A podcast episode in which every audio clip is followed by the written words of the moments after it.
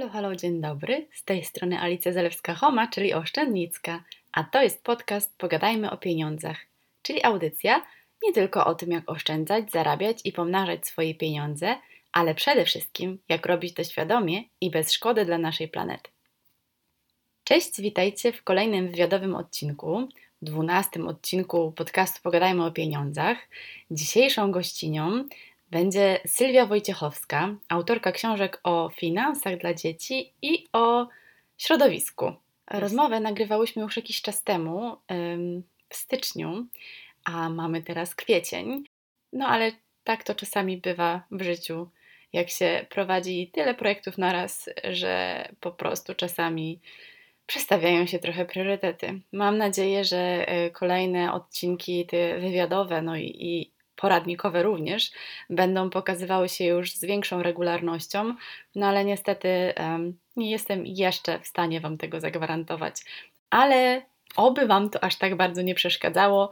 E, jeżeli nie słyszałyście, nie słyszeliście jeszcze tych poprzednich odcinków, to serdecznie zapraszam do odsłuchania, a nie przedłużając już dzisiaj, zapraszam na moją rozmowę z Sylwią.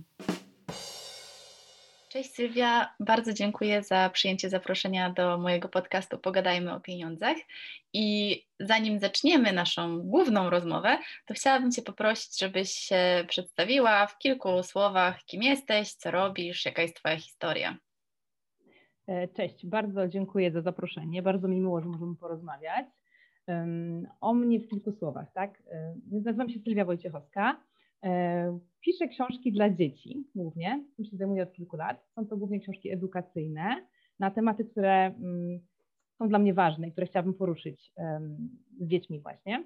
Natomiast z wykształcenia jestem prawniczką, nie pracującą w zawodzie. E, jakby to była moja świadoma decyzja, że zrozumiałam pod koniec studiów, że to nie jest do końca to, co chciałabym e, w życiu robić. Mm, później e, byłam związana z rynkiem nieruchomości przez kilka lat i, i to jest coś, co mnie nadal gdzieś tam kręci i interesuje. E, natomiast e, po tym, jak urodziłam moich synów, jednego i zaraz, zaraz później, krótko później drugiego, to jakby chciałam jakiejś zmiany. Nie chciałam już wracać do takiej pracy korporacyjnej, pracy takiej na etacie mm, w pełnym wymiarze godzin. Zaczęłam szukać jakiejś swojej, swojej drogi. No i w sumie tak się wszystko zaczęło od tak zwanego urlopu macierzyńskiego. E, wtedy właśnie ja muszę przyznać, że mój starszy syn był dość spokojnym niemowlakiem i ja miałam, miałam trochę czasu na to, żeby gdzieś tam sobie mm, rozwijać się. E, I wtedy zainteresował mnie mocno temat finansów osobistych. To wszystko łączyło się tak naprawdę również z rynkiem nieruchomości, no bo inwestowanie w nieruchomości e, wiąże się z tym, że gdzieś tam ta sfera finansów jest bardzo istotna. Zaczęłam czytać różne polskie blogi na temat finansów dla dorosłych. Mm, no i tak czytałam, jakby do, dokształcałam się, coraz bardziej mnie to interesowało. I uświadomiłam sobie wówczas, że mm, gdzieś tam ten problem w naszym społeczeństwie e, polegający na tym, że młodzi ludzie wchodząc w dorosłość mają problemy z finansami, z tym, żeby je sobie ogarnąć, żeby nie stać w jakieś pułapki, na przykład jakieś chwilówki, tak, czy jakieś nadmierne skredytowanie się, które jest mm, niedostosowane do ich możliwości, doszłam do wniosku, że to wynika z tego, że brakuje edukacji, tak, że są, są te treści skierowane do dorosłych, ale brakuje treści skierowanych do młodszych. I tego, żeby już y, to działo się nie na etapie dwudziestu kilku lat, tylko wcześniej właśnie. No i stąd właśnie był mój pomysł najpierw na bloga, y, na którym o tym pisałam, no a później to tak bardzo naturalnie narodził się pomysł na opowiadania i na książkę. Tak w skrócie. Mhm, dzięki, bo właśnie być może nie wszyscy wiecie, ale ja jestem po prostu totalną e, psychofanką Julka. Właśnie Julek to jest, e, Julek i dziura w budżecie to była pierwsza książka e, Sylwii i jak ją przeczytałam, to po prostu no, naprawdę uwielbiam. Uważam, że jest najlepszą książką, jaką kiedykolwiek przeczytałam dla dzieci i polecam po prostu tak gorąco, że no, naprawdę super, super uwielbiam. Okej, okay, Sylwia, to jeżeli jeszcze jesteśmy tutaj w takich tematach tych dziecięco-finansowych, powiedzmy, to czy pieniądze były tematem w Twoim rodzinnym domu? Czy wyniosłaś jakieś e, przekonania na temat pieniędzy właśnie, czy się rozmawiało w jakiś sposób, albo może przeciwnie, nie było w ogóle tematu takiego poruszanego? Jak to było, jak byłaś dzieckiem i potem nastolatką? Mhm. Wiesz co, mm, u nas poruszało się temat pieniędzy. Nie był to na pewno temat tabu, Nie było to może tak, że rodzice ze mną rozmawiali, wtajemniczając mnie w sprawy budżetu domowego, bo, bo tak to nie wyglądało. Natomiast gdzieś tam ja te rozmowy słyszałam, nie byłam izolowana od tego i bardzo szybko dostawałam kieszonkowe też. Nawet nie pamiętam tego okresu. Musiałam mieć, przypuszczam, jakieś 4 latka pewnie, kiedy, kiedy rodzice zaczęli mi dawać pierwsze moje jakieś tam drobniaki. To było bardzo sprytne posunięcie ze strony szczególnie mojej mamy, bo gdzieś tam jak zabierała mnie na zakupy, to ja zawsze coś tam wypatrzyłam sobie. I ze strony mojej mamy zawsze był ten sam tekst, dobrze, masz swoje pieniądze w swojej skarbonce, możesz kupić. A to jednak może niekoniecznie, tak? Więc generalnie sprytnie sobie poradziła z tym moim takim naciąganiem na różne rzeczy. Więc ja dość szybko miałam te swoje pieniądze, którymi mogłam gdzieś tam sobie gospodarować.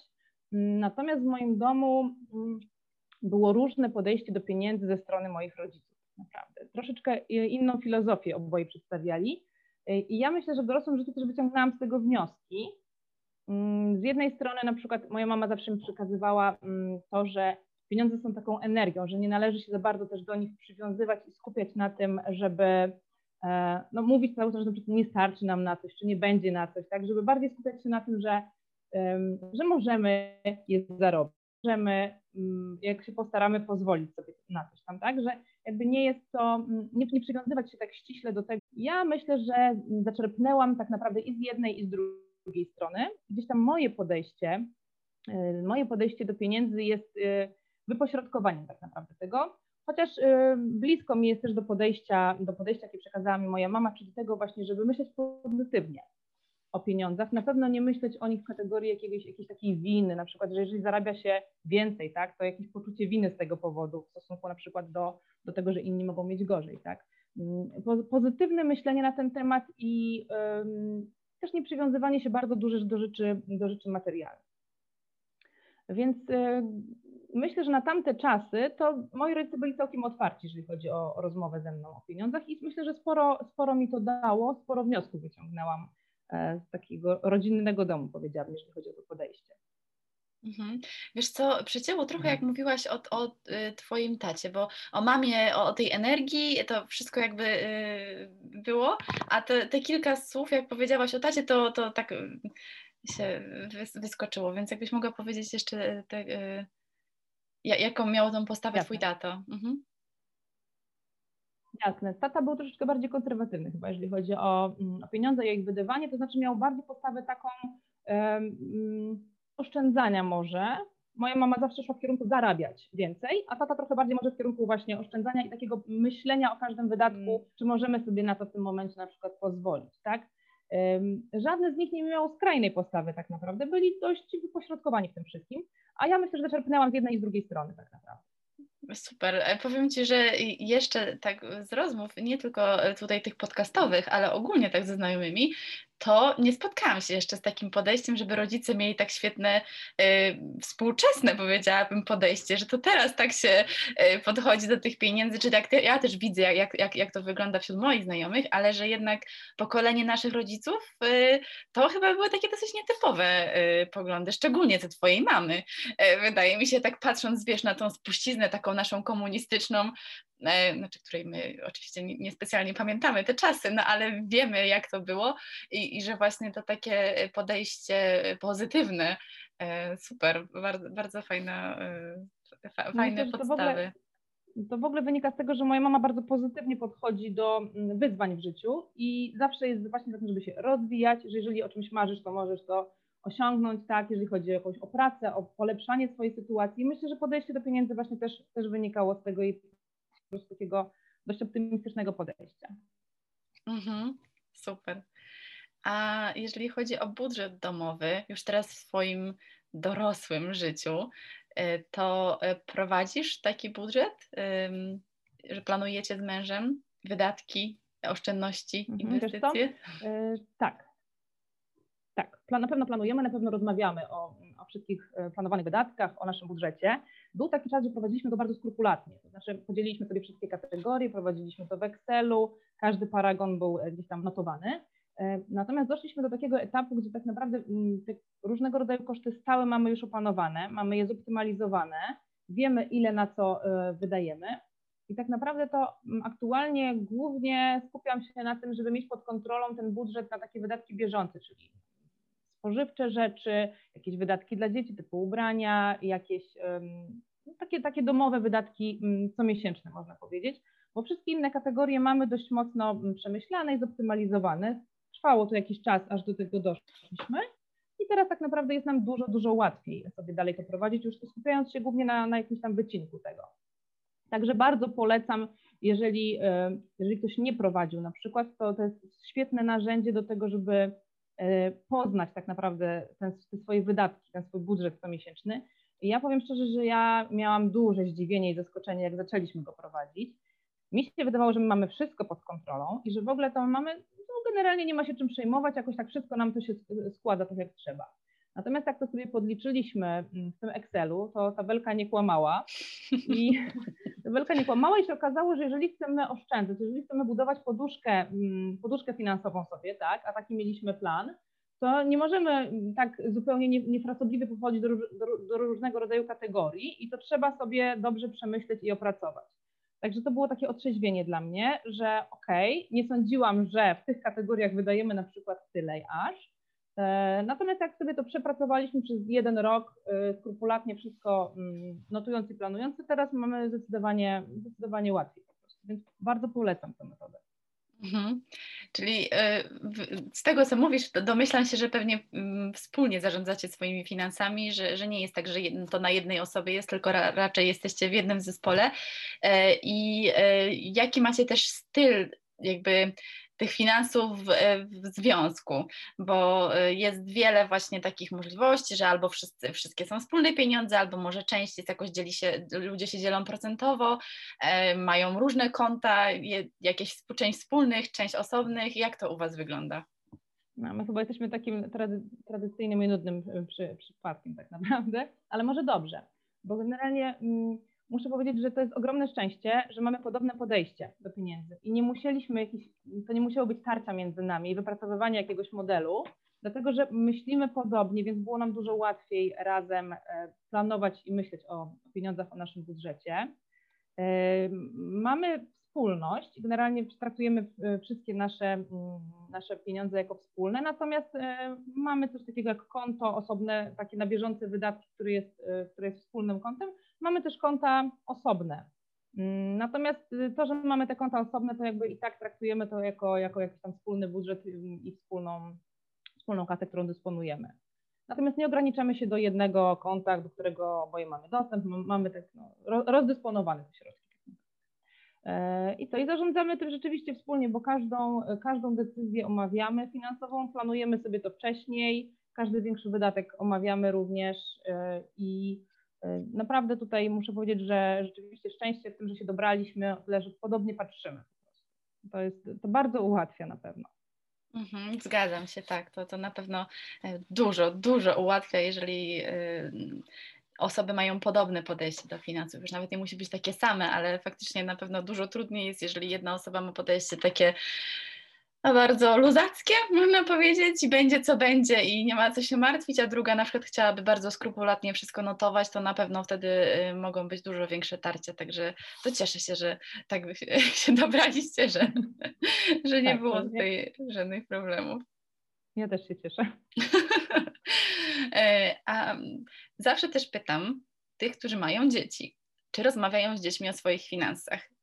Ciebie nie muszę o to pytać, bo jestem przekonana, że to robisz, ale czy mogłabyś w takim razie, y, albo wiesz co, powiedz jeszcze w jakim wieku masz dzieci mhm. i też jakie miałabyś na przykład y, pomysły czy porady dla osób, które właśnie chciałyby dopiero zacząć rozmawiać ze swoimi dziećmi, jak to zrobić, oprócz oczywiście tego, że mogą przeczytać książkę o Julku, ale że to też jest taki fajny wstęp do, do rozmowy wtedy o, o tej książce, ale co można zrobić właśnie, żeby ta rozmowa była Y, łatwiejsza, kiedy zacząć, jak, jak, jak to u Ciebie było i jakie masz też pomysły właśnie um, związane z tym tematem? Um, więc ja mam dzieci wciąż małe tak naprawdę. Y, starszy syn ma 5,5 roku, młodszy zaraz kończy 4, więc to są wciąż dzieci przedszkolne, więc wiadomo, że te nasze rozmowy o pieniądzach no to, to nie jest takie zagłębianie się w tajniki naszego domowego budżetu i planowania. Natomiast staram się od, od, odkąd jakby ogarniali, ogarniali coraz więcej temat, y, staram się ich wprowadzać w to. E, na pewno jeżeli chodzi o wartość pieniądza, Czyli, czyli tak naprawdę zabieram ich, no teraz wiadomo, że w pandemii to troszeczkę było to ukrócone, troszeczkę mniej zabieraliśmy ich na przykład na zakupy, gdzieś tam do sklepu, zakupy zamawialiśmy do domu, ale gdy były okazje i byli zabierani, to to mieli możliwość tego, żeby zobaczyć za daną kwotę, co można kupić, jaką wartość mają, ma nie wiem, 5 zł, co możemy za nie kupić, co możemy za 10. Tak? Zabieraliśmy syna na przykład, z, brał sobie tej skarbonki swojej kwotę 30 mm, zł, szedł do sklepu, patrzył, ok, na to mi nie starczy, na to mi nie starczy, starczy mi na przykład na to. Przez to mm, zyskiwali takie rozeznanie, e, że mm, nie wszystko mogą sobie kupić w danym momencie, że rzeczywiście trzeba odłożyć pewną kwotę, żeby starczyło na tą zabawkę, grę, puzzle, cokolwiek wymarzone. Więc wprowadzamy ich w ten sposób. Dostają swoje pieniądze do skarbonek. Mhm. E, z tym jeszcze bardzo różnie bywa, bo wiadomo, czterolatek ma jeszcze takie niefrasobliwe często podejście, nie do końca jeszcze wszystko rozumie. E, ten starszy mój syn, e, pięciu i półletni, no to on ma takie podejście zasadnicze bardzo. Jak zbiera na coś, a jest wielkim fanem zwierząt i figurek zwierzątek i ma ogromną kolekcję, nie może kojarzysz, takie są zwierzątka ze szlajcha, z kolekcji, można tak. je kupować w różnych Też mamy i zwierzątka i dinozaury, chociaż u nas chyba dino, nie wiem czy dinozaurów nie jest więcej, ale tak, tak, tak kojarzę. Mhm. Tak, to jest, to jest wielka, wielka taka pasja, y, odkąd, odkąd był malutki, więc jeżeli ma, y, zbiera te pieniądze, to głównie przeznaczają na kolejny gatunek, który chciałby sobie gdzieś tam do kolekcji włączyć ostatnim marzeniem były na przykład trzy hieny. Nie mam pojęcia, czemu chciał mieć dokładnie trzy, ale chciał mieć trzy hieny. Może potrzebował trzech, wiesz, jedna by nie była tak. dobra w zabawie, po prostu tak. trzy były Musiało potrzebne. być stadko całe, tak? Dokładnie, więc, mm, więc y, wprowadzamy ich w ten sposób, że dostają swoje pieniądze, rozmawiamy o, mm, o tym, ile to kosztuje, na co mogą sobie pozwolić. Prowadzimy też takie rozmowy, powiedziałabym, przy okazji e, codziennych sytuacji życiowych. Na przykład, jeżeli jedziemy na stację benzynową i tankujemy paliwo, to mówimy im o tym, że żebyśmy mogli jeździć samochodem, przemieszczać się, pojechać nie wiem, do przedszkola, do lasu, no to samochód musimy zatankować, tak? Musimy, musimy kupić paliwo, musimy zapłacić za to. Y, każdą taką życiową sytuację tłumaczymy. Jeżeli na przykład przywozi dostawca paczki z jedzeniem, bo zamówiliśmy sobie online, no to dziecku się może wydawać, że po prostu przychodzi pan, który nam daje jedzenie, tak? Bo jakby nie widzi, często transakcja jest online wcześniej, mm-hmm. płacę na przykład, więc dziecko w ogóle nie, nie widzi tego, tej, tej wymiany, po prostu pan przywozi nam jedzenie, no fajnie, więc też musimy, musimy wytłumaczyć, że tak, pan przywiózł jedzenie, ale my wcześniej zapłaciliśmy, zrobiliśmy taki przesył pieniędzy przez internet, więc, więc tłumaczymy takie mm, codzienne sytuacje, i staramy się jak najwięcej tego wprowadzać. Jeżeli na przykład bierzemy paragony do domu, ja wcześniej spisywałam sobie te paragony, to też tłumaczyłam starszemu e, synkowi, że mama teraz spisuje, ile wydaliśmy na różne rzeczy, żebyśmy wiedzieli, e, ile mamy pieniędzy i na co możemy je przeznaczyć. Ostatnio miałam też taką sytuację z młodszym, że wziął długopis, pomazał sobie nowe spodnie, pomazał sobie koszulkę, wszystko tak doszczętnie, bardzo, bardzo dokładnie zamazał już byłam przekonana, że się nie da odratować tego. I też mu tłumaczę, że to nie jest tak, bo jego reakcja była taka, że kupimy nowe. Mówię, to nie jest tak, e, Ignasiu, że, że teraz pójdziemy i kupimy nowe i wszystko, wszystko jest ok, bo e, przez to, że kupimy ci nowe spodnie, to nie starczy na przykład na zabawkę, czy nie starczy na jakąś atrakcję dla was, tak? Nawet jeżeli, e, jeżeli to nie, to jakby ten wydatek nie jest wielki, to myślę, że warto tłumaczyć dziecku, że to ma swoje konsekwencje po prostu w, gdzieś tam w budżecie. Więc na ten moment to są tego typu rozmowy. Y, po prostu codzienne życie, gdzie te finanse mm, stanowią tak naprawdę element naszego codziennego życia. Codziennie operujemy nimi, dokonujemy jakichś transakcji, kupujemy różne rzeczy, więc, więc na co dzień staramy z nimi otwarcie i szczerze rozmawiać po prostu o tym. Mhm. E, jeżeli A poczekaj, jeszcze o... Ci wejdę w słowo, tak? bo odnośnie e, tego kieszonkowego, jaki macie mhm. system? E, jak chłopcy dostają jakoś, nie wiem, bo, bo tutaj też powiem Ci, że ja jeszcze nie mam wyrobionego w ogóle jakiegoś systemu kieszonkowego u, u moich dzieci i też się zastanawiam nad tym, bo jest bardzo dużo tych modeli, czy tam systemów, jak, jakby to nazwać, że właśnie jedni ludzie dają co miesiąc, ale inni wtedy mówią, że no ale przecież nigdy w życiu dziecko nie dostaje potem w przyszłym życiu za nic tych pieniędzy. No to mhm. inni mówią, że w takim razie dostaje za dodatkowe jakieś rzeczy w domu. No to wtedy inni mówią, no ale jak przecież to jest wspólnota, to dziecko powinno za darmo robić w domu i jak ma za to dostawać pieniądze. Więc jak to, jak to u Was wygląda? Ja Ci w ogóle powiem, że kieszonkowe to jest bardzo gorący temat. Chyba temat, który budzi najwięcej emocji wśród rodziców z takich tematów około finansowych dla dzieci. To, jest, to zawsze jest tak, że będą osoby, które uznają właśnie, że, mm, że to kieszonkowe wypłacane co tydzień czy co miesiąc to nie powinno tak być, bo w dorosłym życiu trzeba zapracować. Bo za nic. Bo za mhm. nic. Będą tacy, którzy będą twierdzić, że, y, że fajnie, bo to czegoś uczy. Tak? Ja mm, stoję na stanowisku od początku, że e, sama zresztą jako dziecko dostawałam, więc jakby mam takie doświadczenie od swojej strony, że mm, dzieci nie muszą być już traktowane w tym momencie jak dorośli. To znaczy w wielu aspektach mają taryfę ulgową. Tak jak dziecko się uczy jeździć na rowerku, to dostaje dodatkowe kółeczka. Jak się uczy pływać, to dostaje rękawki, więc jakby, jako dorosły już nie pływa w tych rękawkach raczej, tak więc generalnie mm, na pewnym etapie życia, kiedy dziecko się uczy, a to jest okres nauki zarządzania tymi pieniędzmi, y, można ułatwić to, tak? tak jak inne dziedziny życia ułatwiamy dzieciom, tak tutaj też ułatwiamy to i te pieniądze służą do, do nauki, do zdobycia pewnych umiejętności. Nikt nie mówi, że 30-letniemu dziecku będziemy później wypłacać kieszonkowe tak co miesiąc.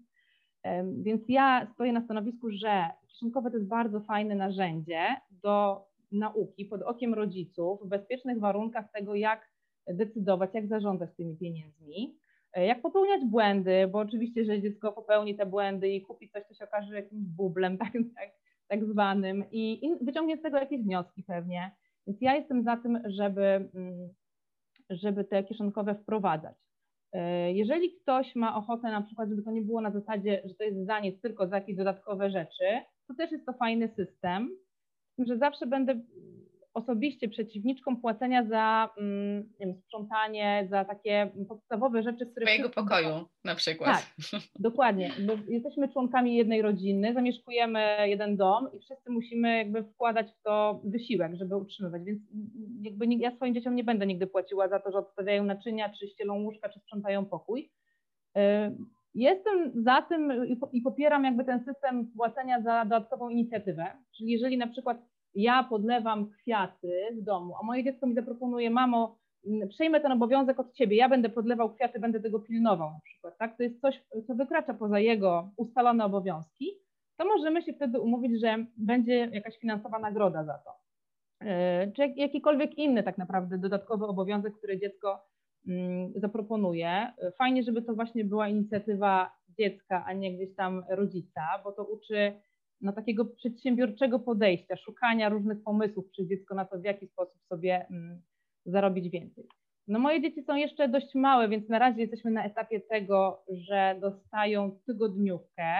Mm, uważam, że w przypadku młodszych dzieci mm, do, nie wiem, nawet do 13, pewnie do 12-13 roku życia to jednak lepiej działa, dlatego że nawet dorośli, my jako dorośli mamy często problem z zarządzaniem pieniędzmi na przestrzeni miesiąca i zaplanowaniem tych wydatków tak, żeby na wszystko starczyło, no tym bardziej dziecko będzie miało z tym problem. Miesiąc to jest dla dziecka mm, duży przedział czasu. Dlatego ten tydzień to jest zdecydowanie łatwiej jest zagospodarować mu te pieniądze na przestrzeni tygodnia. Też dzięki temu częściej dostaje tą kwotę, więc częściej podejmuje decyzję, jak ją rozdysponować. Zastanawialiśmy się długo, jak to zrobić, czy powinni dostawać porówno, ponieważ jeden jest między nimi niewielka różnica wieku, ale jednak jest. Mhm. E, jeden troszeczkę bardziej już kurwa, drugi troszkę mniej, jeżeli chodzi o te pieniądze. Podobał mi się system na początku, że dziecko dostaje tyle tygodniowo, ile ma lat, czyli 5 latek 5 zł tygodniowo, 3 latek 3. Stosowaliśmy to, natomiast nie wiem, nie, czy nie przejdziemy jednak na to wyrównanie mm, tych kwot, e, dlatego że no, mamy tylko półtora roku różnicy między dziećmi, oni rozwojowo też gdzieś tam do siebie gonią, więc myślę, że, że się skłonimy ku temu, żeby dostawali po tyle samo po prostu. E, I ten system tygodniówki funkcjonuje fajnie. E, co mogę polecić? To już o tym też wielokrotnie wspominałam, więc to nie będzie żadna, żadna nowość, ale ten system trzech, e, trzech skarbonek, trzech słoiczków, który pomaga dzieciakom już małym dysponować tymi pieniędzmi, zarządzać nimi. Czyli jeżeli dostanę 10 zł, tak, to mogę rozdysponować, y, ile z tego przeznaczę na drobne wydatki, bo kupię sobie soczek gdzieś tam, tak, czy loda, ile przeznaczę na mm, oszczędności, w oddzielnym słoiczku mamy, mamy, mamy tę kwotę na oszczędności, na coś, o czym dziecko marzy, i czy cokolwiek przeznaczę na pomaganie innym, bo trzeci słoik jest właśnie na pomoc, że zawsze będę tutaj mm, stała na takim stanowisku, że ta pomoc powinna być dobrowolna, czyli nie zmuszamy dziecka, że musi koniecznie tam złotówkę czy dwa wrzucić, tylko to jakby jest jego wola, czy chce, czy nie chce. Mm, I, i y, my to wprowadzamy teraz ze starszym. On to fajnie już, y, fajnie to zaskakuje. I myślę, że ten 5 lat to jest taki graniczny wiek, bo wcześniej to nie bardzo. Nie, nie, nie widziałam takiej możliwości. Zresztą to chyba rzeczywiście nie było sensu u młodszego dziecka jeszcze. Te 5 lat to już jest taki wiek, że możemy zacząć to wprowadzać i dziecko ma jakieś swoje plany, już jakieś cele finansowe, o czymś marzy, więc, mm, więc fajnie ta metoda działa. Także ją bardzo polecam dla właśnie dla młodszych dzieci. Zanim jeszcze będą miały konto swoje jako nastolatki i będą mogły sobie w ramach tego konta zarządzać tymi pieniędzmi. Mhm. A wiesz, to właśnie też to, to, o tej metodzie piszesz w swojej e, tej drugiej książce, drugiej, drugiej Julkowej książce, drugiej części Julka. E, I, I faktycznie o niej też wcześniej słyszałam, ale nie, no nie stosowałam e, na dzieciach. Zresztą też mam małe w wieku Twoich synów. E, ale myślę, że chyba faktycznie spróbuję e, ze starszym, e, bo nagrywamy w ogóle tę rozmowę dzień po 29. finale Wośpu i wczoraj byłam tak strasznie dumna z moich chłopców, bo stwierdziliśmy, że pójdziemy zobaczyć, czy jednak wolontariusze chodzą gdzieś na mieście. E, i mówię, że ja biorę swój portfel, czy oni chcą wziąć jakieś swoje pieniądze. No i mają skarbonki, chociaż my nie, nie mamy takiego systemu, że, że tam co tydzień im dajemy pieniądze, tylko jakoś tam albo jak od dziadku dostaną, e, albo jakoś tak, no ad hoc można powiedzieć, dostawali na razie tam pieniądze. No i starszy, no i wysypaliśmy te skarbonki i starszy najpierw powiedział, że no to on wszystko chce dać. Więc ja tak, no dobrze, możesz dać wszystko, oczywiście, ale czy jesteś pewien? On tak, mm, no nie, to może nie, to może połowę, więc połowę oddał, ale to i tak by, no, takie bar, bardzo to było fajne, że też sam miał, znaczy czuję to, że to były jego pieniądze i że chciał się tym podzielić i to pomimo tego, że jeszcze nie stosowaliśmy tej, tej zasady trzech słoików, chociaż zaczniemy na pewno, e, bo bardzo mi się podoba, to, to było takie fajne, że jednak te rozmowy faktycznie o finansach i o o budżecie z jednej strony, czy o tym, jak to jest u nas, y, te, te, pieniądze y, funkcjonują w naszej rodzinie, ale też o tym, że jak ktoś ma więcej, to że fajnie jest się dzielić y, z innymi. I wydaje mi się, że to fajnie, że też to podkreślasz, właśnie ten aspekt tego dzielenia się tymi pieniędzmi, które mamy, że nie tylko zbieranie na coś tam, powiedzmy na jakąś zabawkę dziecka, czy na cokolwiek, co ono sobie wymarzy, ale też właśnie pokazanie tego, no, że, że warto jest po prostu też, też się tym, e, tym podzielić. No więc byłam taka dumna, że aż normalnie się prawie popłakałam ze wzruszenia. Nie no, to, to super generalnie, to bardzo hojnie podeszli do tego tematu Oj, tak. Mm, także fajnie, ale to właśnie super, że wypłynęło to jakby od nich. To nie było na zasadzie, że ty powiedziałeś, że po, powinni na przykład, tak, bo jest wielka orkiestra i tutaj tak robimy, tylko że to wyszło, wyszło od nich, tak? Tak, bo było to właśnie z tego, że ja mówiłam, że ja biorę swój portfel i wszystkie, ja akurat powiedziałam, że wszystkie drobniaki oddaję i wszystkie papierowe pieniądze, bo ja też e, właściwie w pandemii to prawie wszystko kartą, więc też yy, i też na WOŚP razem wpłacaliśmy wcześniej yy, gdzieś tam online, tam wrzucaliśmy do skarbonki, on, online jakieś tam też akcje robiliśmy, ale właśnie, że ja powiedziałam, że ja wszystkie biorę, więc mój syn starszy powie, no to ja też też. To ja też wszystkie.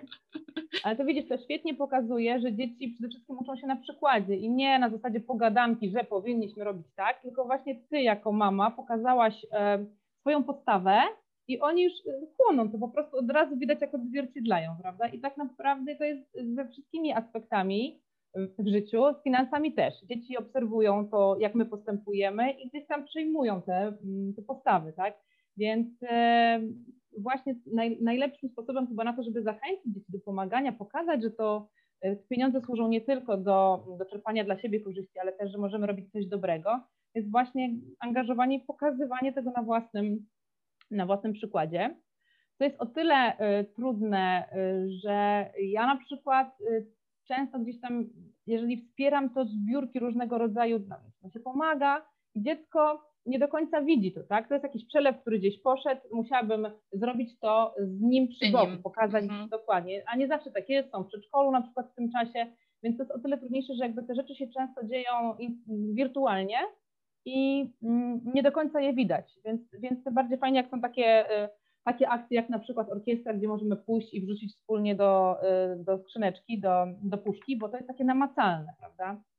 Więc, więc ten przykład zawsze, zawsze mam z tyłu głowy to, że dzieci obserwują to, mhm.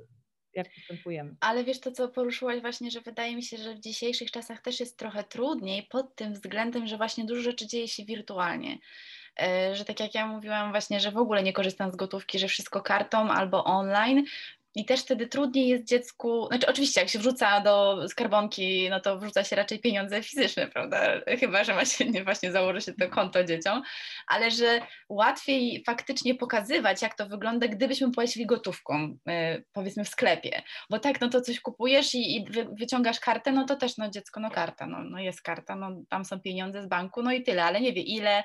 I tak fajnie, jak powiedziałaś, to właśnie, że, że twój syn ma ten realne pieniądze i po prostu idzie z nimi zobaczyć, co za to może kupić, że to też tak, tak. E, tak uczy. No i te, też myślę, że to może być zaskoczenie dla, dla niektórych dzieci, jak na przykład przez całe życie, znaczy przez całe życie też pewnie nie, że to tak strasznie długo, dużo lat, no bo to przecież tam przez kilka czy nawet kilkanaście rodzice e, za wszystko płacili i potem właśnie jak dziecko ma samo za coś zapłacić, to ma takie zderzenie nagle, że oj, ojej, ale no jak zaraz, y, to, to tyle pieniędzy kosztuje, a jak kupię to, to mi nie wystarczy na to. I y, wiesz, tak mi się przypomniało, jeszcze właśnie ostatnio gdzieś czytałam,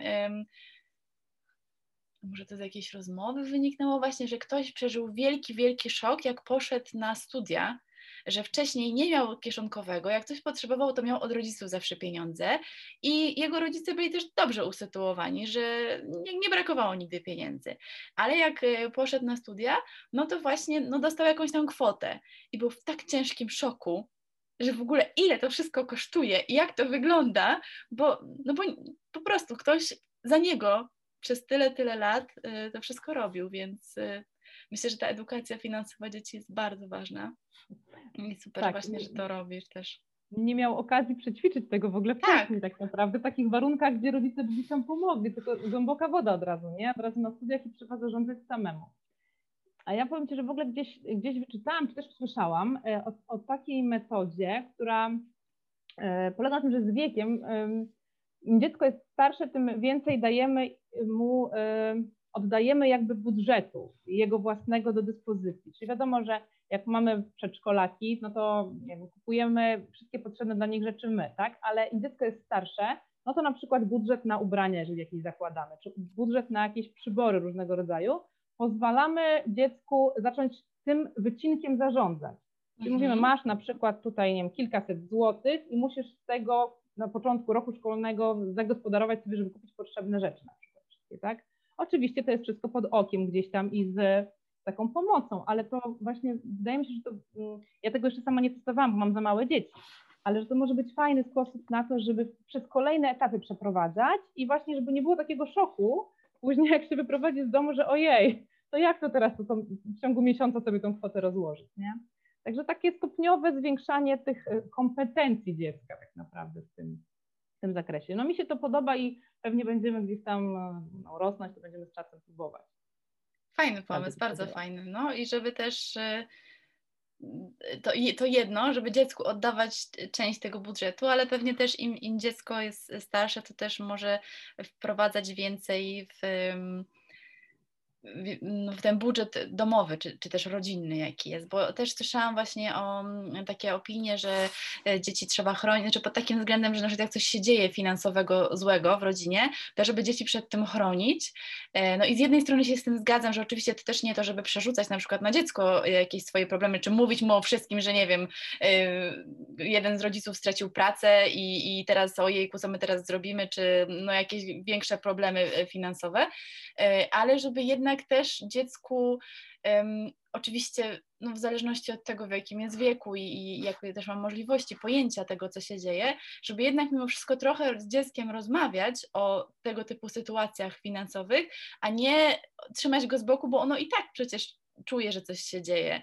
Więc może nie też tak, że wszystkie karty na stół i, i powiedzieć dokładnie dzieciom, co, jak, co i jak, i jeszcze z wyliczeniami jakimiś w tabelkach, mhm. ale żeby tak właśnie traktować po prostu dzieci jako no, pełnoprawnych członków y, rodziny i znaczy tak, no, Oczywiście, że są, ale wiesz o co mi chodzi, że, żeby y, no po prostu nie pomijać też ich, nie myśleć o nich jako, że to są tylko dzieci, to, to im nie, nie będzie się o takich rzeczach mówiło.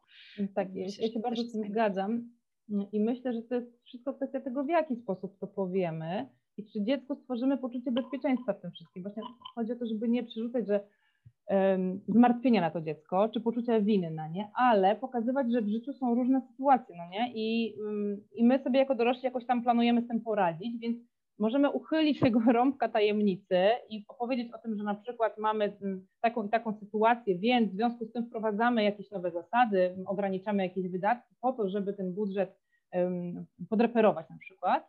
Nie traumatyzujemy dziecka tym, że nie wiadomo, co teraz z nami będzie, tak? Ale, ale ja jak najbardziej się zgadzam z tym, żeby mm, dostosowując do wieku, starać się mm, gdzieś tam opowiadać o tym też, jak sobie radzić, bo to później może zaprocentować tym, że dziecko będzie widziało, że jeżeli pojawi się problem w jego już doroślejszym życiu, to zawsze jest rozwiązanie, zawsze możemy znaleźć wyjście z sytuacji, tylko trzeba odpowiednio jakby tam pomyśleć, czy pani poprosić o pomoc, różnie. Natomiast właśnie pokazuje to, że my jako mm, rodzice również szukamy rozwiązań różnego rodzaju. Więc jak najbardziej myślę, że to jest e, raz, że edukacyjne, dwa, że, że dziecko też czuje to, że my mu ufamy, dzieląc się z nim takimi informacjami, ale oczywiście wszystko to robimy tak, żeby jakby no nie obciążyć, czyli w pozytywnej atmosferze i w poczuciu bezpieczeństwa. Jasne. A no to jeszcze wracając do tych wskazówek, y, bo chyba chciałaś coś jeszcze powiedzieć, a zaczęłyśmy mówić wtedy o, y, o kieszonkowym i o wysokości. Chciałaś jeszcze chyba jakąś poradę odnośnie właśnie y, rozmów ze starszymi dziećmi, czy też nauki starszych dzieci. Wiesz co, jeżeli chodzi właśnie o starsze dzieciaki, ja sama nie mam tutaj doświadczenia, tyle co tak naprawdę gdzieś czytam, interesuję się tym, sobie porównuję różne jakieś tam metody i myślę o tym, co sama bym wprowadziła e, w przyszłości, e, to właśnie, mm, to właśnie to, żeby dzieci, mm, im są starsze, tym mocniej gdzieś tam angażować. Możemy nawet takim dzieciom, nastolatkom już później pewne zadania nawet delegować, żeby one poczuły się również Mm, istotne, no są istotne oczywiście, ale żeby, żeby poczuły, że również gdzieś tam mogą brać udział w tym zarządzaniu domowym budżetem, chociażby w takich sytuacjach, na przykład, nie wiem, nastolatki są świetne w przeszukiwaniu sieci, tak, w wyszukiwaniu różnego rodzaju ofert. Nie chcemy zmienić dostawcę jakichś usług na przykład, to poprośmy dziecko o to, żeby poszukało informacji, porównało, żeby nam pomogło z tym. Mm, żeby wystawiło coś na przykład na aukcji, chcemy sprzedać jakiś sprzęt. Przekażmy to, na przykład to zadanie nastolatkowi, powiedzmy, że jak sprzeda korzystnie, tak, uda mu się zrobić, e, nie wiem, dobre zdjęcia i, mm, i przeprowadzić tą transakcję, to, to nie wiem, cała kwota będzie dla niego albo dzielimy się jakoś tą kwotą, dzięki czemu ono jednocześnie może pozyskać sobie pieniądze, a dwa, y, angażujemy je w takie codzienne, codzienne finansowe sprawy, czyli jak najbardziej gdzieś tam y, im starsze dziecko, tym mocniej wychodzić naprzeciw z tym, że możemy je włączać e, w te sprawy domowego budżetu.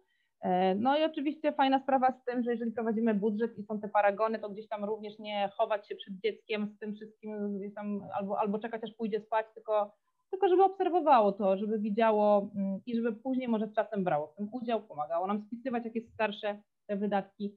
Po prostu jestem za tym, żeby włączać e, systematycznie z biegiem czasu włączać dziecko i tego nastolatka później w te nasze, nasze domowe sprawy i no przede wszystkim nie traktować też pieniędzy jako tematu e, tabu czy nieodpowiedniego, nieodpowiedniego dla dzieci, bo też na początku, kiedy zaczynałam prowadzić bloga, spotykałam się z takimi opiniami, że no tak, no ale jak to tak dzieci mają być dziećmi? Tutaj jeżeli będziemy tak mocno nastawiać na finanse, no to wychowamy, wychowamy materialistów, E, też właśnie różnego rodzaju opinie z tym kieszonkowym, także jeżeli będziemy dawać to, jeżeli będziemy dawać to kieszonkowe za nic, no to dziecko będzie miało postawę roszczeniową.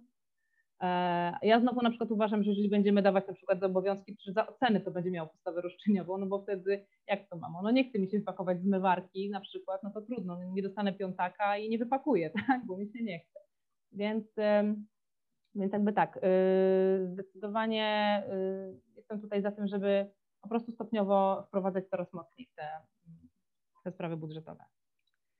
Ale wiesz, e, jeszcze wracając właśnie do tego kieszonkowego i, i tego, żeby dawać za nic dzieciom, to, no to po, Powiem Ci, że miałam takie mieszane uczucie, że właśnie nie wiedziałam, w którą stronę iść i, i na pewno nie chciałam też dawać pieniędzy za, za, no, za oceny, za oceny to jeszcze trochę, ale za jakieś domowe rzeczy. Ale to, co powiedziałaś, wiesz, z tymi um, kółkami dodatkowymi i, i pływaczkami, to jest według mnie super analogia i bardzo to ze mną rezonuje i faktycznie, no, no, no faktycznie tak jest, że z jednej strony oczywiście dzieci są ludźmi już teraz, a nie kiedyś tam w przyszłości i powinniśmy je traktować z szacunkiem i, um, i ma, znaczy jakby brać pod uwagę też ich potrzeby i, i zdanie, e, ale faktycznie pewien sposób mają trochę taryfę ulgową w wielu e, aspektach, no bo dopiero się właśnie uczą, więc e, super, świetne jest to porównanie, naprawdę bardzo, bardzo, bardzo mi się podoba i, i przekonałaś mnie, że rzeczywiście um,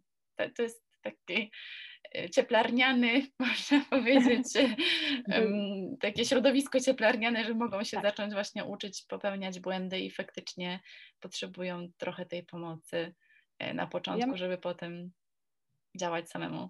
Mhm. Ja myślę, że, że to się może w czasie zmieniać. Na przykład na początku mogą dostawać po prostu ustaloną kwotę, ale Jestem w ogóle za tym, żeby mm, były okresy, w których e, spotykamy się z dziećmi, później omawiamy zasady na dalszy czas. Czyli myślę, że na przykład dobrym momentem jest rozpoczęcie roku szkolnego mhm. dla dzieci szkolnych już, tak?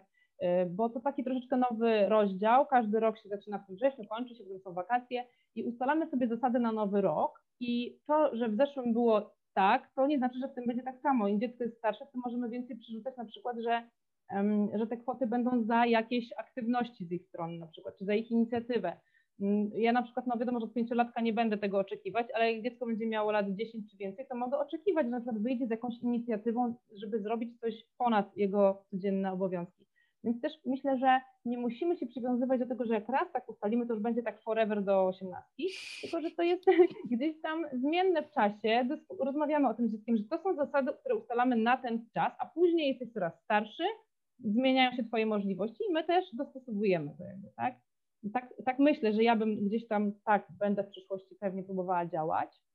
A słuchaj, to porównanie do tego, że dzieci mają troszeczkę tą taryfę ulgową, to ja też sama tego, sama tego też nie wymyśliłam. Wydaje mi się, że ja to przeczytałam książkę, która w ogóle mocno mi otworzyła oczy na te sprawy finansów dziecięcych. To była jedna z pierwszych książek, które przeczytałam. I to był Bank Taty Davida Owena. A kojarzę. Więc, mhm. Mm, w ogóle duże wrażenie na mnie zrobiła ta książka. E, jest, jest niewielkiej objętości, szybko się ją czyta i, i mm, bardzo fajne, mm, bardzo fajne, bardzo mi się podejście spodobało jego do tego. Jest tam też przez niego opisana taka metoda właśnie banku taty, czyli to już trochę, trosz, troszeczkę dla starszych dzieci, myślę, że takich pewnie 10 plus, która polega na tym, że uczymy dziecko tego, że właśnie oszczędzanie może przynosić, może procentować. I bank taty polegał na tym, że e, dziecko miało pieniądze nie w, nie w banku realnym, tylko w takim właśnie banku domowym, gdzie tata tym zarządzał. I zaoszczędzone kwoty było oprocentowanie, które było ustalone przez tatę. I y, jego dzieci, dzieci Davida, uczyły się tego właśnie, że jeżeli nie wydadzą, tylko pozostawią to w banku taty, to za miesiąc, za dwa, za trzy będą miały o tyle więcej. Więc e, też, też całkiem, fajna, całkiem fajny sposób. Były kredyty? Metoda.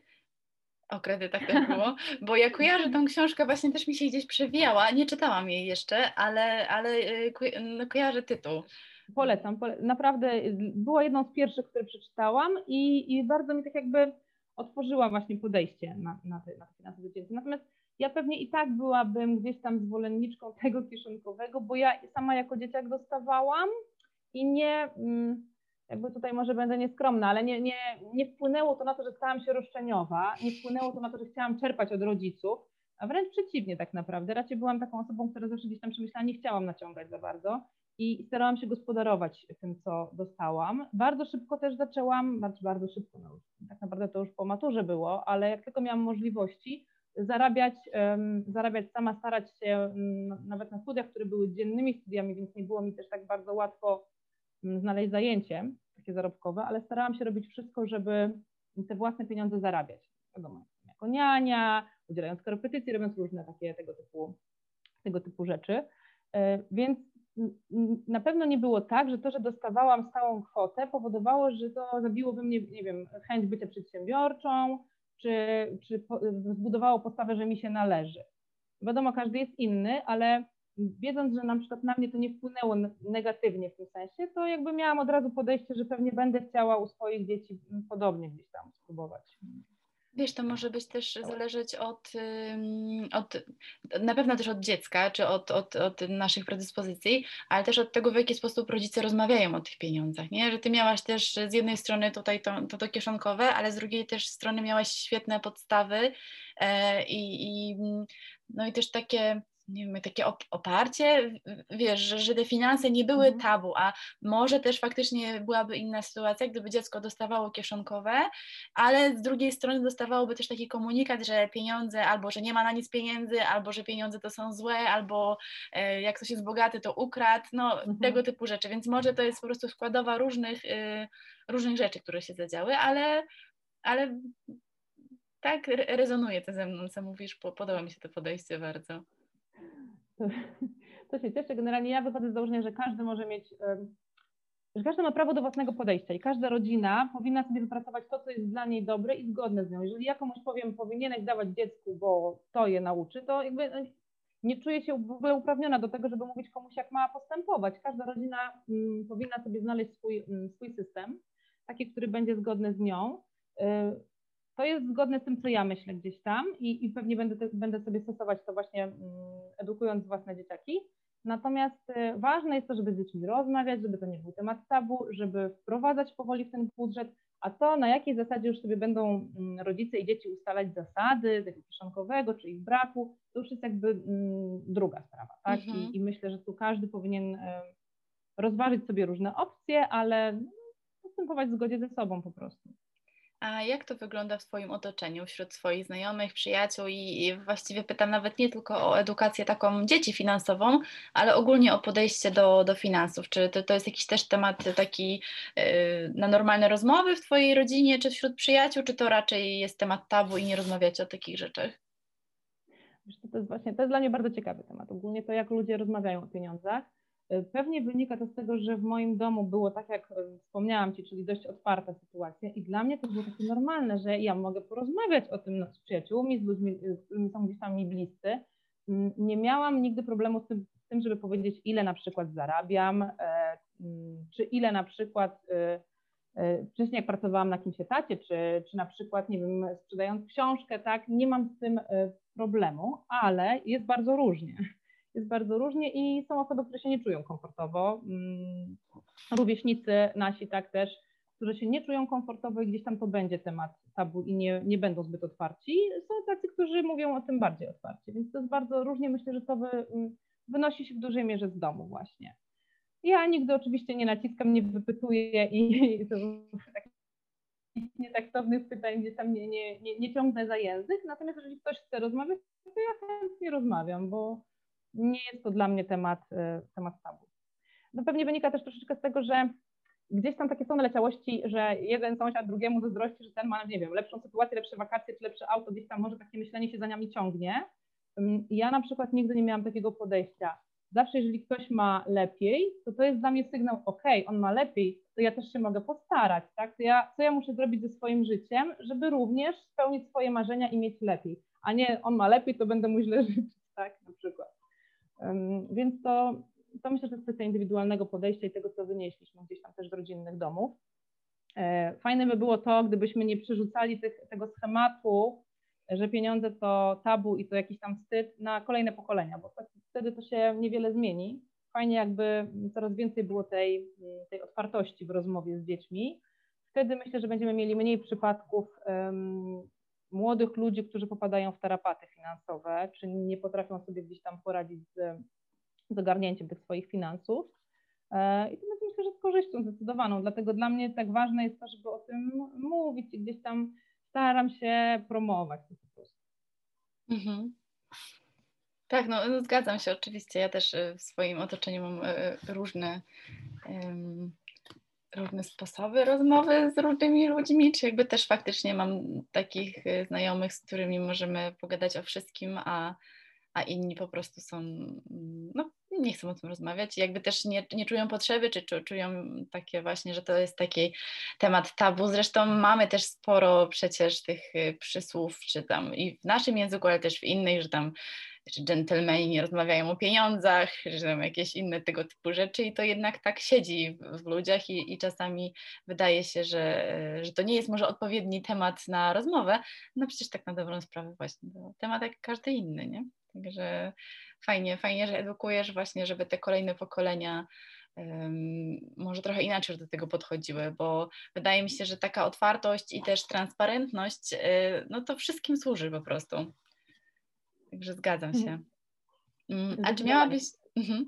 a czy miałabyś jeszcze jakieś takie porady, y, już może nie dla dzieci, ale ogólnie y, takie codzienne, które ty stosujesz? Y, może coś takiego, mm, co było twoim odkryciem, że no, omówiłaś już o budżecie, który tak bardzo mhm. otworzył wam oczy, ale może jest coś jeszcze właśnie takiego, um, może niekoniecznie nietypowego, ale że właśnie coś takiego, co stosujecie w waszym codziennym życiu, co wam się super sprawdza i chciałabyś się podzielić. Y. Wiesz to dwie takie rzeczy. Moje takie największe, jeżeli chodzi o finanse osobiste, to była poduszka finansowa i to jak wielkie poczucie komfortu, bezpieczeństwa e, i takiego luzu daje jej posiadanie, jak zmienia jakość życia, to, że człowiek nie jest zestresowany tak bardzo tym, że coś się wydarzy z jego pracą, e, coś się wydarzy, nie wiem, ze zdrowiem w rodzinie na przykład. I ja sobie zdaję sprawę oczywiście, że nie każdy jest w stanie zbudować od razu bardzo wielką poduszkę finansową, tak? taką, która posłuży na przykład na to, żeby spokojnie przez pół roku funkcjonować bez, bez dochodów. Natomiast y, budowanie jej krok po kroku myślę, że jest bardzo ważne i bardzo takie uwalniające, więc to było moje na pewno w dorosłym życiu odkrycie, dlatego że hmm, wydaje mi się, że moi rodzice jakby y, jakieś tam oszczędności na pewno mieli, ale nie rozmawialiśmy o tym. Nie rozmawialiśmy na przykład o budowaniu takiej poduszki, żeby, żeby czuć się bezpieczniej. E, nie, nie kojarzę takich rozmów. I gdzieś w dorosłym życiu, kiedy z moim mężem zaczęliśmy sobie budować takie zabezpieczenie, e, to było to bardzo takie mm, uwalniające właśnie od lęku, od tego stresu. Więc to zdecydowanie uważam, że jest mega istotne. Czyli ta zasada też płać najpierw sobie, o, o odkładania stałych kwot na takie zabezpieczenie i dopiero później dysponowania resztą, dostosowywania tej reszty do możliwości. A z codziennego życia to na pewno planowanie, planowanie posiłków. Tutaj dużo korzystałam też z Twojej grupy, mm, którą prowadzisz. Bardzo, bardzo dużo praktycznych rad można tam sobie z niej wynieść. Planowania tak, żeby nie marnować, tak? Dlatego, że jakby widzimy, jak dużą część budżetu zużywają takie codzienne zakupy, ile kosztuje żywność, Szczególnie jeżeli chcemy postawić na zdrowe jedzenie, na dużo warzyw, owoców, diety na przykład, no to to wszystko kosztuje sporo, e, więc też ważne jest to, żebyśmy no nie, nie wyrzucali. Ja miałam z tym trochę problem i, mm, i trochę się u nas marnowało, trochę, więcej niż obecnie się marnowało, e, więc, więc to było dla mnie istotne, żeby pla zacząć planować te posiłki, myśleć o tym, co kupuję, a nie na zasadzie, że idę i po prostu kupuję, bo nie wiem, super, będzie mieć to, to, to i to w lodówce, a potem patrzę i w sumie nie wiem, co z tego mogę zrobić tylko myślenie właśnie tak na zasadzie już jakichś konkretnych dań e, i staram się coraz więcej zużywać e, tych produktów tak, żeby ich e, tak, żeby ich nie marnować, żeby one nie trafiały do kosza, no bo to, to nie wiem, serce boli. Tak więc, więc takich codziennych rzeczy to, mm, to na pewno na pewno to.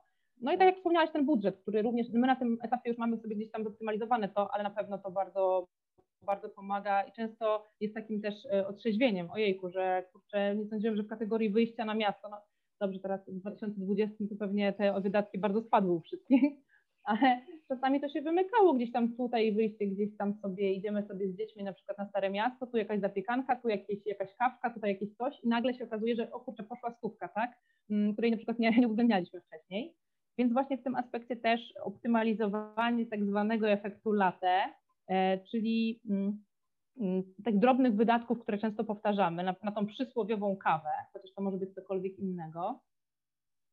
I też y, jakby nie mam takiego podejścia ścisłego, że trzeba to wyeliminować, tak? bo jeżeli ta kawa cię uszczęśliwia i w ogóle powoduje, że twój, twój dzień i twoje życie jest lepsze, no to okej, okay, tylko miej świadomość tego, że to w twoim budżecie to jest pozycja takiej wartości, tak? I że już mogłabyś to, na wiem, spożytkować na coś innego. Jeżeli świadomie decydujesz się, że wydajesz tą kwotę na, na to, bo to ci sprawia przyjemność, to okej, okay. ale jakby mm, trzeba mieć to, mm, uświadomić to sobie. Więc myślę, że to mm, prowadzenie budżetu też doprowadzi nas do tych wniosków właśnie, że gdzieś tam na przykład na takie różne kategorie tego typu nam się rozchodzi, rozchodzi nam się kasa. No i potem możemy podjąć decyzję, co z tym dalej, czy optymalizujemy to, czy nie. Mhm, Także tak, to chyba tak z mojego, z mojego takiego codziennego doświadczenia to te rzeczy najbardziej.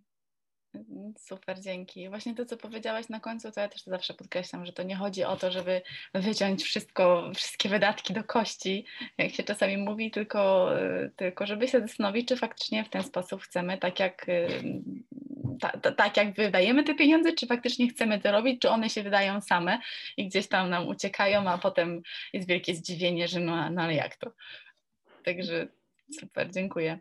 Um, I mam do Ciebie jeszcze dwa pytania y, odnośnie, właściwie trzy, ale y, y, odnośnie oszczędzania i zarabiania, bo jak mówiłaś, że w domu miałaś takie trochę, mama miała inne podejście i tato, to i mówiłaś, że ty wyniosłaś to takie wspólne gdzieś tam po środku podejście, ale jakbym cię tak zapytała, czy oszczędzanie, czy zarabianie, to od czego ty zaczynasz, jakby co jest dla ciebie ważniejsze. Bo znaczy, ciężko też powiedzieć ważniejsze, no bo to też co jest ważniejsze, ręka czy noga, ale jest część właśnie, jest, jest taka, taki nurt powiedzmy, którzy mówią, że zarabianie, zarabianie, zarabianie, a inni, że oszczędzanie pierwsze. Ja się skłaniam do tego pierwszego, a ty do którego?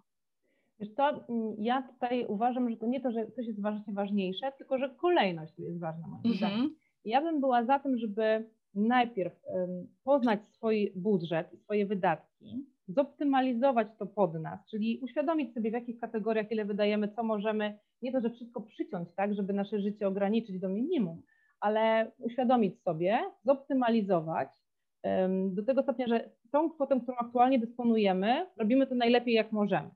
A potem, kiedy już jesteśmy na etapie takim, że wiemy, że mamy te wydatki pod kontrolą i mm, nasz, nasz comiesięczny budżet jest właśnie zoptymalizowany, czyli mm, jesteśmy świadomi tego, ile na co wydajemy i to jest dla nas ok, to wtedy skupiłabym się na, e, na zarabianiu, bo jednak zawsze to nas doprowadzi do tego, że gdzieś tam mm, mamy większe możliwości, pomnażamy ten majątek, tak, mamy, mamy zarabiając więcej, starając się zarabiać więcej, mamy też większe możliwości do też optymalizowania tego naszego budżetu. Więc e, podeszłabym na zasadzie właśnie najpierw mam pod kontrolą to, czym dysponuję teraz, a następnie staram się e, zarabiać więcej i, e, i iść do przodu. Tak? Mhm. I to chyba też jest takie trochę właśnie wypośrodkowane, jeżeli chodzi o to, co wyniosłam, to, co wyniosłam z domu.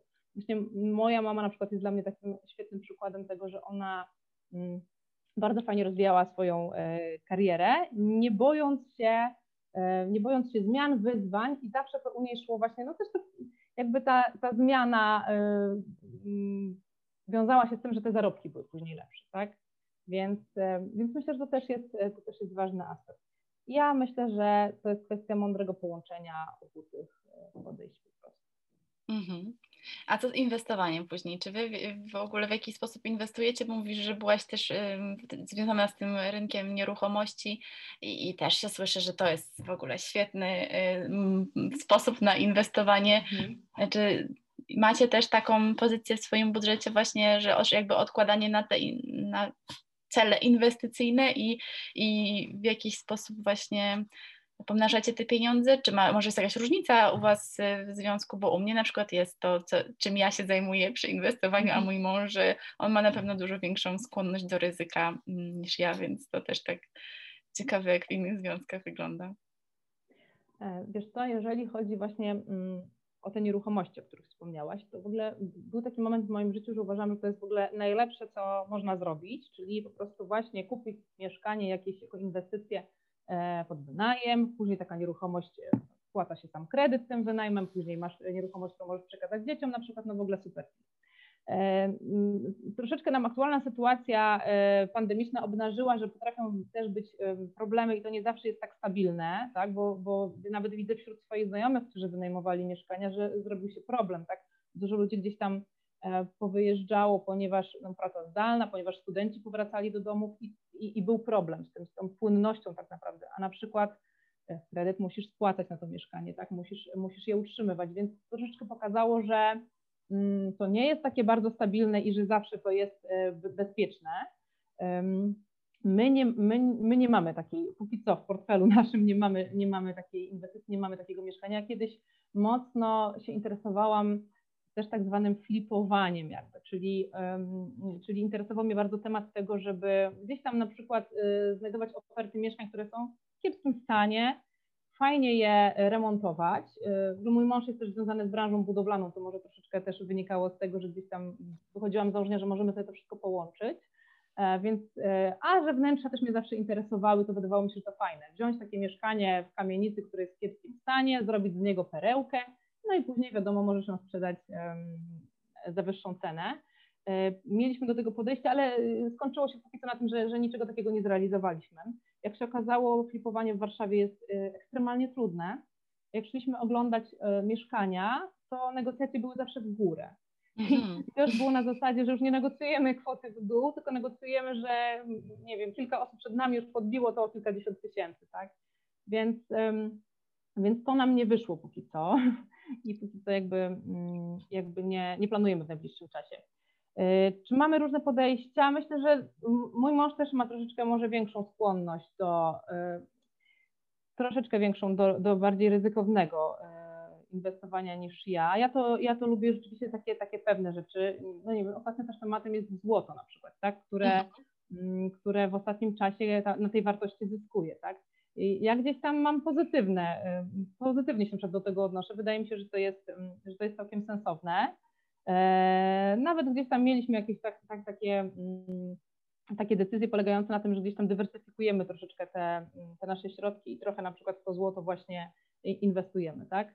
Natomiast szczerze Ci powiem, że mm, na ten moment skupiamy się trochę na tym też, że chcemy, tak jak wspominałam, e, Ci już zupełnie prywatnie, gdzieś tam e, lokum zmienić, więc to też jakby mamy świadomość tego, że nie możemy zamrozić sobie środków, tak, no bo wówczas będziemy mieli, mieli jakąś tam trudność, na przykład jeżeli coś mamy na jakiś czas zblokowane, to że trafi nam się fajna okazja i, i fajna na przykład nieruchomość, to nie będziemy mogli mm, skorzystać na przykład, więc E, troszeczkę jesteśmy w takim aktualnie zawieszeniu i jakby naszym priorytetem jest teraz no, taka, taka nasza prywatna, rodzinna zmiana mm, tutaj w naszym życiu. Mhm. A myślę, że, że jeżeli chodzi o inwestycje e, takie większe, to przyjdzie na to później czas. Mhm.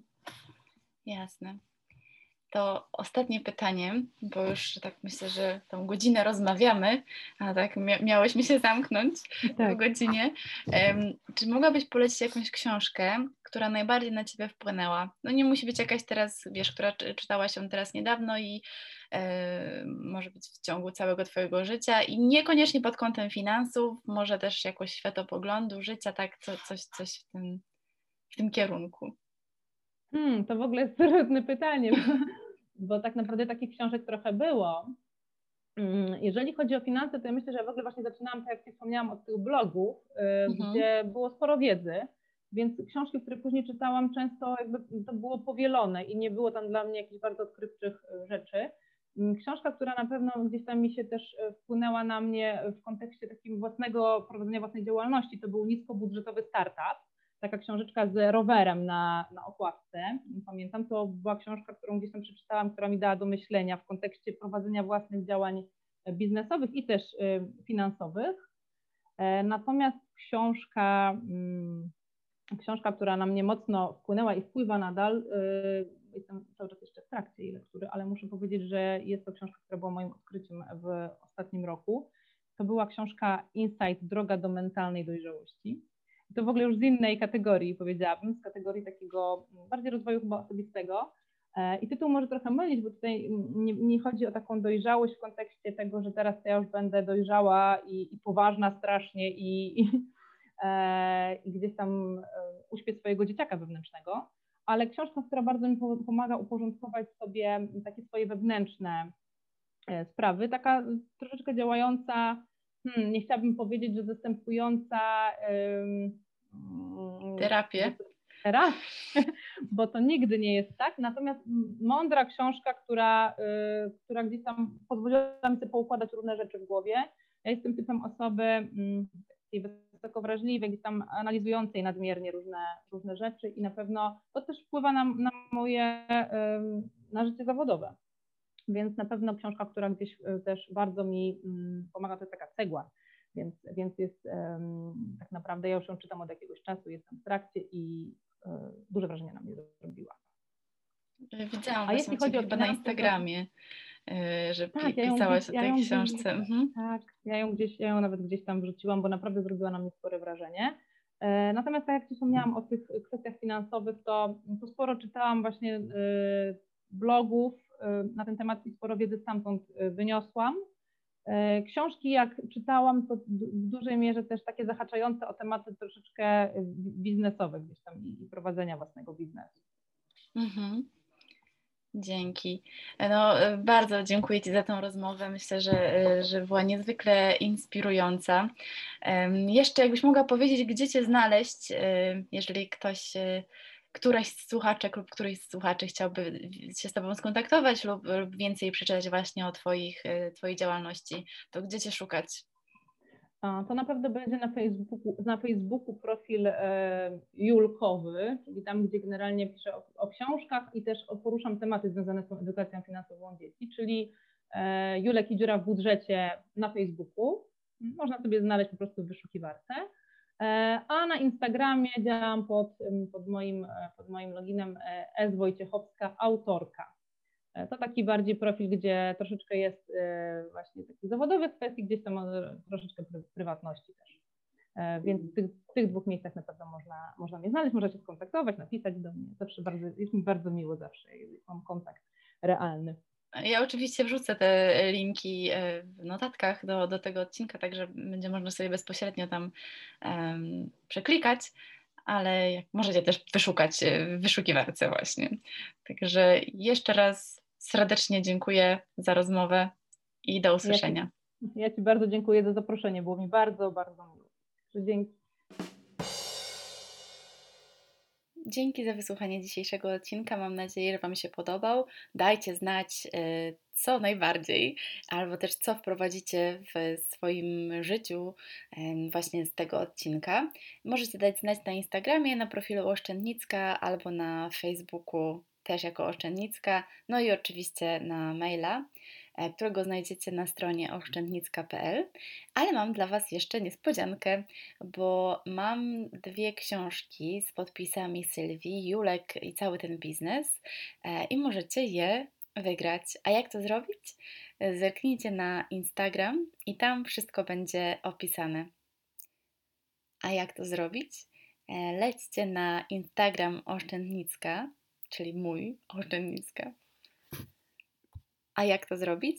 Lećcie na mój Instagram, czyli znajdziecie mnie tam jako oszczędnicka, bez polskich znaków i wszystko będzie tam wyjaśnione i wytłumaczone właśnie w jaki sposób możecie otrzymać te książki um, w nagrodę. Także dziękuję Wam bardzo raz jeszcze i do usłyszenia.